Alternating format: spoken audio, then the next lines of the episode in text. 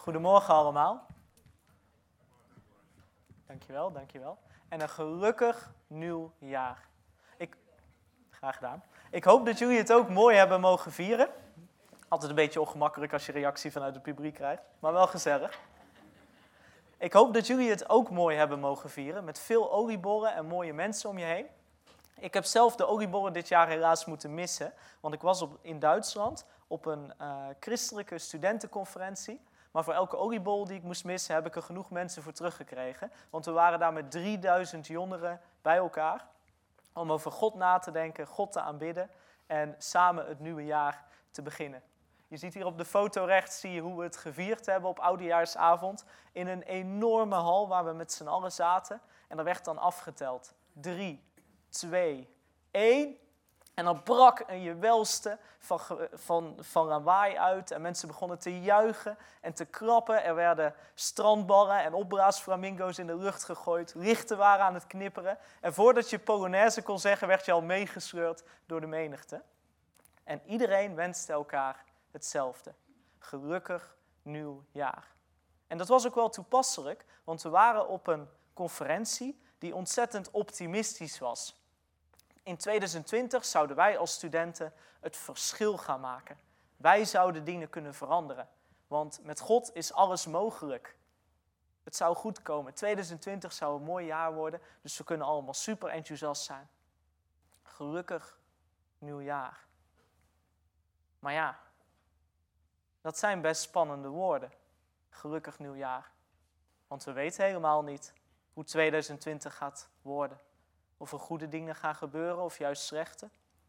Die twijfel, die merk je ook altijd een beetje als je naar een oudejaarsconferentie kijkt. Aan de ene kant is de cabaretier bezig met alle negatieve dingen uit 2019 te benoemen. Wat er allemaal misging en waar die persoon zich zorgen over maakt. De problemen met de overheid en bezuinigingen en klimaatverandering, demonstraties overal ter wereld. Maar aan de andere kant probeert zo'n cabaretier dan toch nog een beetje hoop te geven voor 2020. Toch nog een beetje positief het nieuwe jaar te beginnen. En daar zit iets van twijfel in. En als ik terugkijk op het afgelopen jaar, dan zie ik dat ook in mijn eigen leven.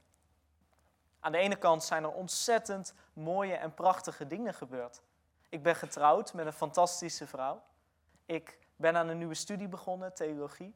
En ik ben gaan werken als evangelist voor Student Life.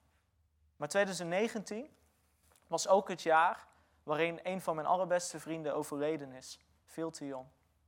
En 2019 was ook het jaar dat ik met die nieuwe vrouw heel vaak ruzie heb gehad. En ook het jaar waarin ik dan misschien heel veel toffe gesprekken heb gehad met studenten over geloof, maar waarin ik nooit iemand tot geloof heb zien komen. Hoe kijken we naar 2020 en hoe kijken we terug op het oude jaar? Wat is er gebeurd in jullie leven?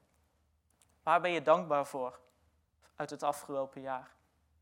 Waar heb je pijn opgelopen het afgelopen jaar? Waarin heb je gefaald?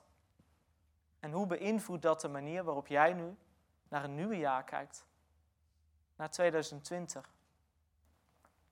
Zet je een roze bril op, een enthousiaste, beetje naïeve bril. Je denkt dat alles wel mooi gaat worden en goed gaat komen. Of zet je alvast je cynische, sombere, zwarte bril op. En ga je ervan uit dat ook komend jaar er weer veel dingen fout zullen gaan. En er veel naars zal gebeuren. Welke bril zet je op? Je kan ze al een beetje uit elkaar houden zo in januari. De optimisten, dat zijn vaak de mensen die heel veel goede voornemens hebben. En de pessimisten zijn dan de mensen die die mensen heel erg belachelijk maken. Maar welke bril zetten we op, mensen? Hoe kijken we naar het komend jaar? En dat was een vraag die ook de Israëlieten 2500 jaar geleden aan zichzelf moesten stellen. En ze leefden toen helemaal niet in de makkelijke tijd, want ze waren gevangen genomen door de Babyloniërs en weggevoerd naar een ver land. Hun eigen land was vernietigd. De tempel, daar was niets meer van over. En ze waren meegevoerd naar een ander land waar ze tientallen jaren moesten blijven. En het ergste, het ergste was nog wel dat ze wisten dat het hun eigen schuld was. Omdat ze zich van God hadden afgekeerd en niet meer omzagen naar een naaste. En daar zaten ze dan in Babylon, in een land waar ze onderdrukt werden als kleine groep. En daar vierden ze nieuwjaar met elkaar. En dan wensten ze elkaar een gelukkig nieuwjaar. Op zo'n moment kan het heel spannend worden. En ik stel me dan zo voor dat die Israëlieten in die tijd ook hoop probeerden te putten uit teksten uit de Bijbel. Bijvoorbeeld uit het boek Jezaja. Jezaja, een profeet die 200 jaar daarvoor leefde, maar die al dingen voorspeld had die tijdens de ballingschap zouden gebeuren. Jezaja 40 tot en met 55 is allemaal gericht tot de mensen in de ballingschap. Heel interessant om te lezen, ook als je zelf in een moeilijke periode zit. Het gaat ook veel over Jezus. En ik wil daar vanochtend een stukje uit lezen. Jesaja 43, vers 14 tot en met 21. Dit zegt de Heer, jullie bevrijder, de heilige van Israël. Omwille van jullie zend ik iemand naar Babel. Ik maak alle Galdeeën tot vluchteling en jaag geen jammerend hun schepen op. Ik ben de Heer, jullie heilige, de schepper van Israël, jullie koning. Dit zegt de Heer, die een weg baande door de zee en een pad door machtige wateren, die paarden en wagens liet uitrukken, een heel regen van geweldenaars, daar lagen ze en ze stonden niet meer op, ze zijn vergaan als een kwijnende vlam gedoofd. Blijf niet staan bij wat eertijds is gebeurd. Laat het verleden nu rusten. Zie, ik ga iets nieuws verrichten. Nu ontkiemt het. Heb je nog niet gemerkt? Ik baan een weg door de woestijn. Maak rivieren in de wildernis. De wilde dieren zullen mij eer bewijzen. De jakhalzen en de struisvogels. Omdat ik water schep in de woestijn. En rivieren in de wildernis. Het volk dat ik heb uitgekozen, laat ik drinken. Dit is het volk dat ik mij gevormd heb. Het zal mijn lof verkondigen. Iets interessants wat er gebeurt in dit Bijbelgedeelte, is dat God twee dingen van ons vraagt. We moeten onze zwarte bril afdoen, maar ook onze roze bril. Ons hele denken moet anders dan we zelf zouden verwachten. Ten eerste moet de zwarte bril af. Het pessimisme, het, het cynische, het sombere. Dat je meer slechte dingen verwacht. Het is zo makkelijk om in pessimisme te blijven steken. Om te denken, het wordt nooit meer beter. Wat kan ik nou voor verschil maken? Zo ben ik nu eenmaal. Hier kun je niks aan doen. Het is zo makkelijk om het, om het op te geven en niet meer te verwachten dat God ergens een verschil in kan maken. Maar dat soort pessimisme, zo'n zwarte bril, die maakt ons ook kapot. Die zorgt ervoor dat we niet meer de nieuwe dingen kunnen zien die er kunnen gebeuren. Dat we niet meer de hoop kunnen zien die er is. Dat we niet meer zien dat God wel iets kan veranderen. En de allergevaarlijkste vorm van pessimisme is pessimisme waarbij je alleen nog maar nadenkt over het verleden, over vroeger, hoe het beter was. We zien hier een uh, Japanse hond, Hachiko heet hij volgens mij. Ja, het staat erop, goed onthouden. Hachiko is de beroemdste hond uit Japan. Dat was een hond die elke dag met zijn baasje meeging naar het treinstation. Elke ochtend. En dan wachtte hij totdat zijn baasje weer terugkwam en dan liep hij mee naar huis. Maar op een dag was het baasje niet op tijd. En die hond die bleef maar wachten en bleef maar wachten. Maar het baasje kwam niet meer terug, want het baasje was overleden aan een hartaanval. En die hond die heeft daar op dat treinstation negen jaar zitten wachten op zijn baasje. Tot de dag van zijn dood. En dat doet iets met ons. Dat raakt ons. Maar dat is ook gevaarlijk, want als mens kun je echt zo gaan leven. Dat je alleen nog maar met het verleden bezig bent. Met vroeger. Met mensen die er toen nog waren of met dingen die toen nog wel goed waren. En als je helemaal op het verleden gericht leeft, dan kun je niet meer naar de toekomst kijken. Dan kun je niet meer de mooie nieuwe dingen zien die er komen. Dan komen er gedachten in je hoofd zoals, zoals het toen was, zo wordt het nooit meer.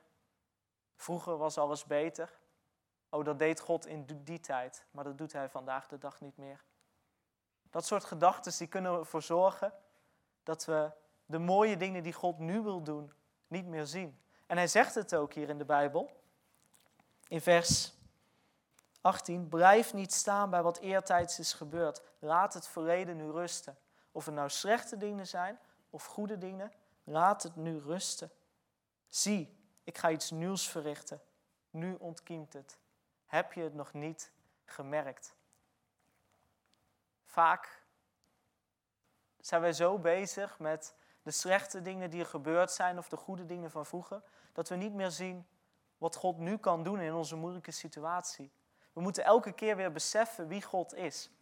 Het is niet voor niks dat Jezaja hier zo vaak uitlegt uh, wie God is. Dat hij zegt dat het onze bevrijder is, onze koning, de heilige, onze schepper. De God die machtig is, die ons gemaakt heeft en die van ons houdt, die van jou houdt. En die God die heeft een plan met jou. Ook in de moeilijke omstandigheden waar je in zit.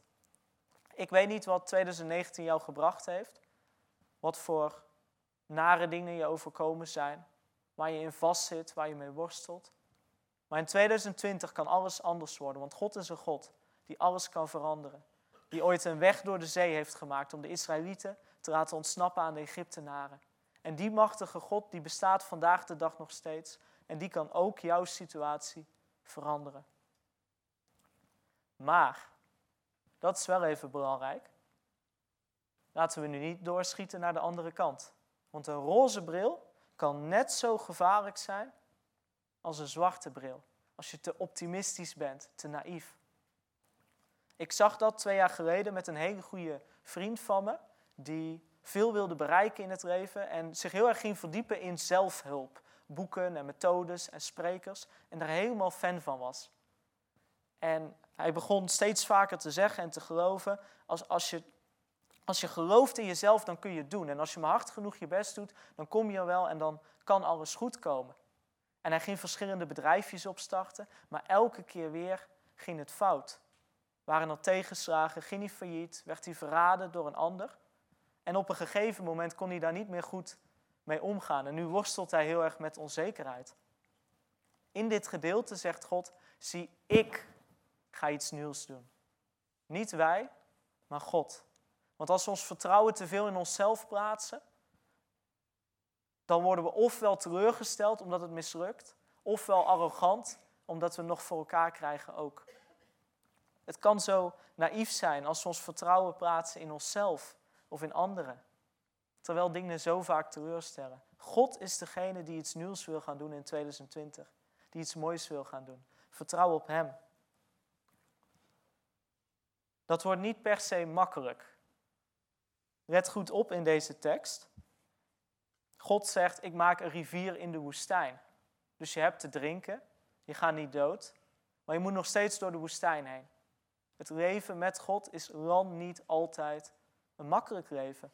Soms is het gewoon heel zwaar, heel moeilijk. Dus die roze bril die moeten we afgooien. Als we te positieve verwachtingen van 2020 hebben, dan gaan we ook gewoon teleurgesteld worden. Want de grap is, God heeft een heel mooi plan, maar hij heeft een heel ander mooi plan dan wij hebben. Wij hebben allemaal plannen voor het komende jaar, maar er gaat niks van terechtkomen, want God wil iets heel anders doen. En ik vind dat hilarisch in de Bijbeltekst, dat er dan beschreven wordt hoe allemaal wilde beesten naar die rivier toe komen en jakhalzen en struisvogels. Allemaal van die gasten waar je echt niet op zit te wachten. Als God dingen in ons leven gaat doen, dan komen er ook allemaal dingen op ons pad en mensen op ons pad waar wij helemaal niet op zaten te wachten. En die wij zelf helemaal niet zouden uitkiezen. Maar God wil mooie dingen door jou heen doen. Juist voor mensen die anders zijn dan jij en die je zelf niet op zou zoeken. En je kan met het, met, als je God volgt, kun je soms op de raarste plekken terechtkomen daardoor. Inderdaad, God heeft zijn belofte uitgevoerd in deze tekst. Hij heeft de Perzen gestuurd en de Babyloniërs, hun onderdrukkers, verslagen. En de Israëlieten konden terugkeren naar hun land. Maar dat was wel niet altijd even makkelijk. In Ezra en Nehemia lezen we hoe ontzettend moeilijk het ook was om daar alles weer op te bouwen. God creëert altijd een nieuwe weg. Maar dat is niet altijd een makkelijke weg. Dat is een verrassende weg, waar we met wilde dieren door de woestijn heen lopen, terwijl we samen voor God zingen, omdat Hij een grote God is. En in Jezus' leven zien we dat duidelijker dan waar dan ook. Als we naar Jezus leven kijken, dan kunnen we geen roze bril ophouden of een zwarte bril. In Johannes 11 lezen we een heel belangrijk moment in Jezus' leven. Als hij hoort dat een goede vriend van hem, Lazarus, die vlakbij Jeruzalem woont, ziek is, doodziek. En Jezus kiest ervoor om naar hem toe te gaan. Nou, al zijn leerlingen die doen dan meteen een zwarte bril op. Nee joh, daar moet je niet naartoe gaan. Ze gaan je gevangen nemen daar, de religieuze leiders. Ze gaan je doodmaken. En Jezus zegt, dat maakt me niet uit. Ik ga toch, want ik wil mijn vriend helpen. En hij gaat er naartoe. Hij wekt zijn vriend op uit de dood, weer tot leven. Maar dat komt hem duur te staan. Want inderdaad, de Romeinen en de Joden nemen hem gevangen en executeren hem. Ze handen hem aan een kruis waar hij sterven zal. En als we naar dat kruis kijken, dat kruis dat hier ook staat, dan kunnen we geen roze bril meer ophouden. Want we zien hoe keihard het leven is en hoe vreed mensen kunnen zijn. Maar als we naar het kruis kijken, dan kunnen we ook geen zwarte bril ophouden. Want we zien daar een mens hangen die meer van anderen hield dan wie dan ook. En die bereid was tot het einde te gaan. Voor liefde, voor jou en voor mij en voor zijn vriend Lazarus. Die zelfs aan het kruis zijn vijanden nog vergeeft. Aan het kruis hebben wij Jezus vermoord. Maar God heeft hem ook weer op doen staan. Om ons een tweede kans te geven en om hem een tweede kans te geven. Zodat we samen met hem kunnen leven. God maakt altijd een weg. Na de conferentie, vorig jaar, uh, nou ja, ja oké, vorig jaar. Toen reisde ik terug met de trein naar Nederland. Acht uur in de trein zitten. En een vriend van mij, die reisde mee. Een moslim die ik vorig jaar heb leren kennen. Die was mee naar een christelijke conferentie. Ik had hem helemaal niet uitgenodigd, maar dat wilde hij zelf graag. En op de terugweg zat ik te denken van, oh wat ruikt het me gaaf om op de terugweg dan met hem over Jezus te praten. Maar ik wist niet zo goed hoe ik dat aan moest pakken en ik wist niet, moet ik nou maar niet te veel verwachten, die zwarte bril, of juist heel veel verwachten, die roze bril, en hoe doe ik dat dan? Ik voelde een beetje druk daarvoor. En toen gebeurde er iets heel bijzonders. Want op de terugweg kwamen we ineens een ander iemand tegen, die ook een tijdje met ons meereisde. En dat bleek een ex-moslim te zijn, die nu christen was, en die een super gaaf gesprek heeft gehad met die islamitische vriend van me. Hij wist superveel over de verschillen tussen islam en christendom en hoe dat qua wetenschappelijke betrouwbaarheid allemaal zit. Ze hebben een heel mooi gesprek gehad dat ik niet kon voeren. En daarna hebben ik en mijn islamitische vriend nog lang daarover door kunnen praten. Er gebeurde veel moois, maar ik was niet degene die het deed. En het gebeurde niet zoals ik verwachtte. God heeft een plan met ons. Maar om dat plan te kunnen volgen, moeten wij onze brillen afdoen. Doe je roze bril af, want het leven is hard en je gaat teleurgesteld worden. En zonder God maak je geen schijn van kans. Maar doe ook alsjeblieft je zwarte bril af. Wat er ook gebeurd is het afgelopen jaar, God kan iets prachtigs doen. Juist in jouw moeilijke situatie. Laten we bidden met elkaar.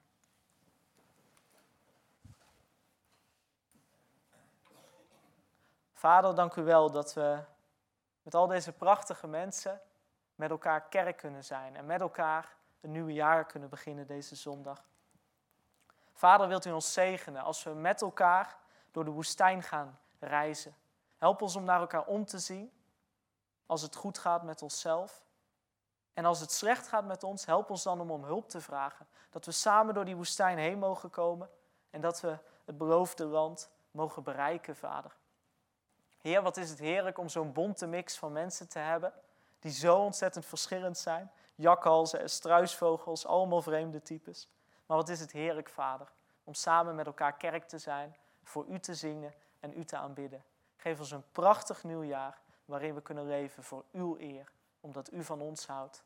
Amen.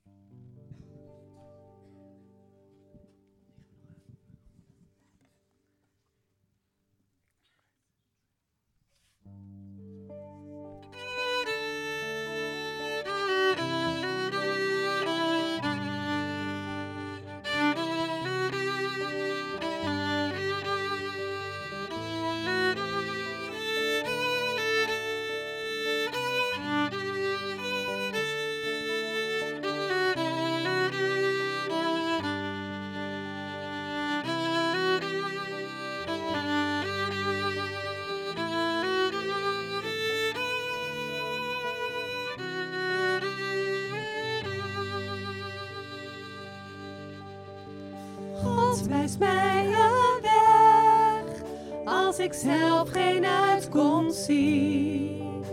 Langs wegen die geen mens bedenkt, maakt Hij mij zijn wil bekend. Hij geeft elke dag nieuwe liefde, nieuwe kracht. Als ik mijn hand in zijn hand leg, wijst hij mij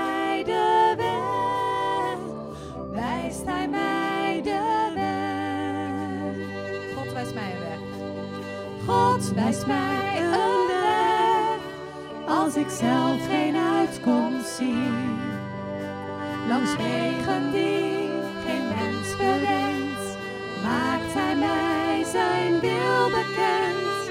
Hij geeft elke dag nieuwe liefde, nieuwe kracht. Als ik mijn hand in zijn hand leg, wijst hij mij Wijst hij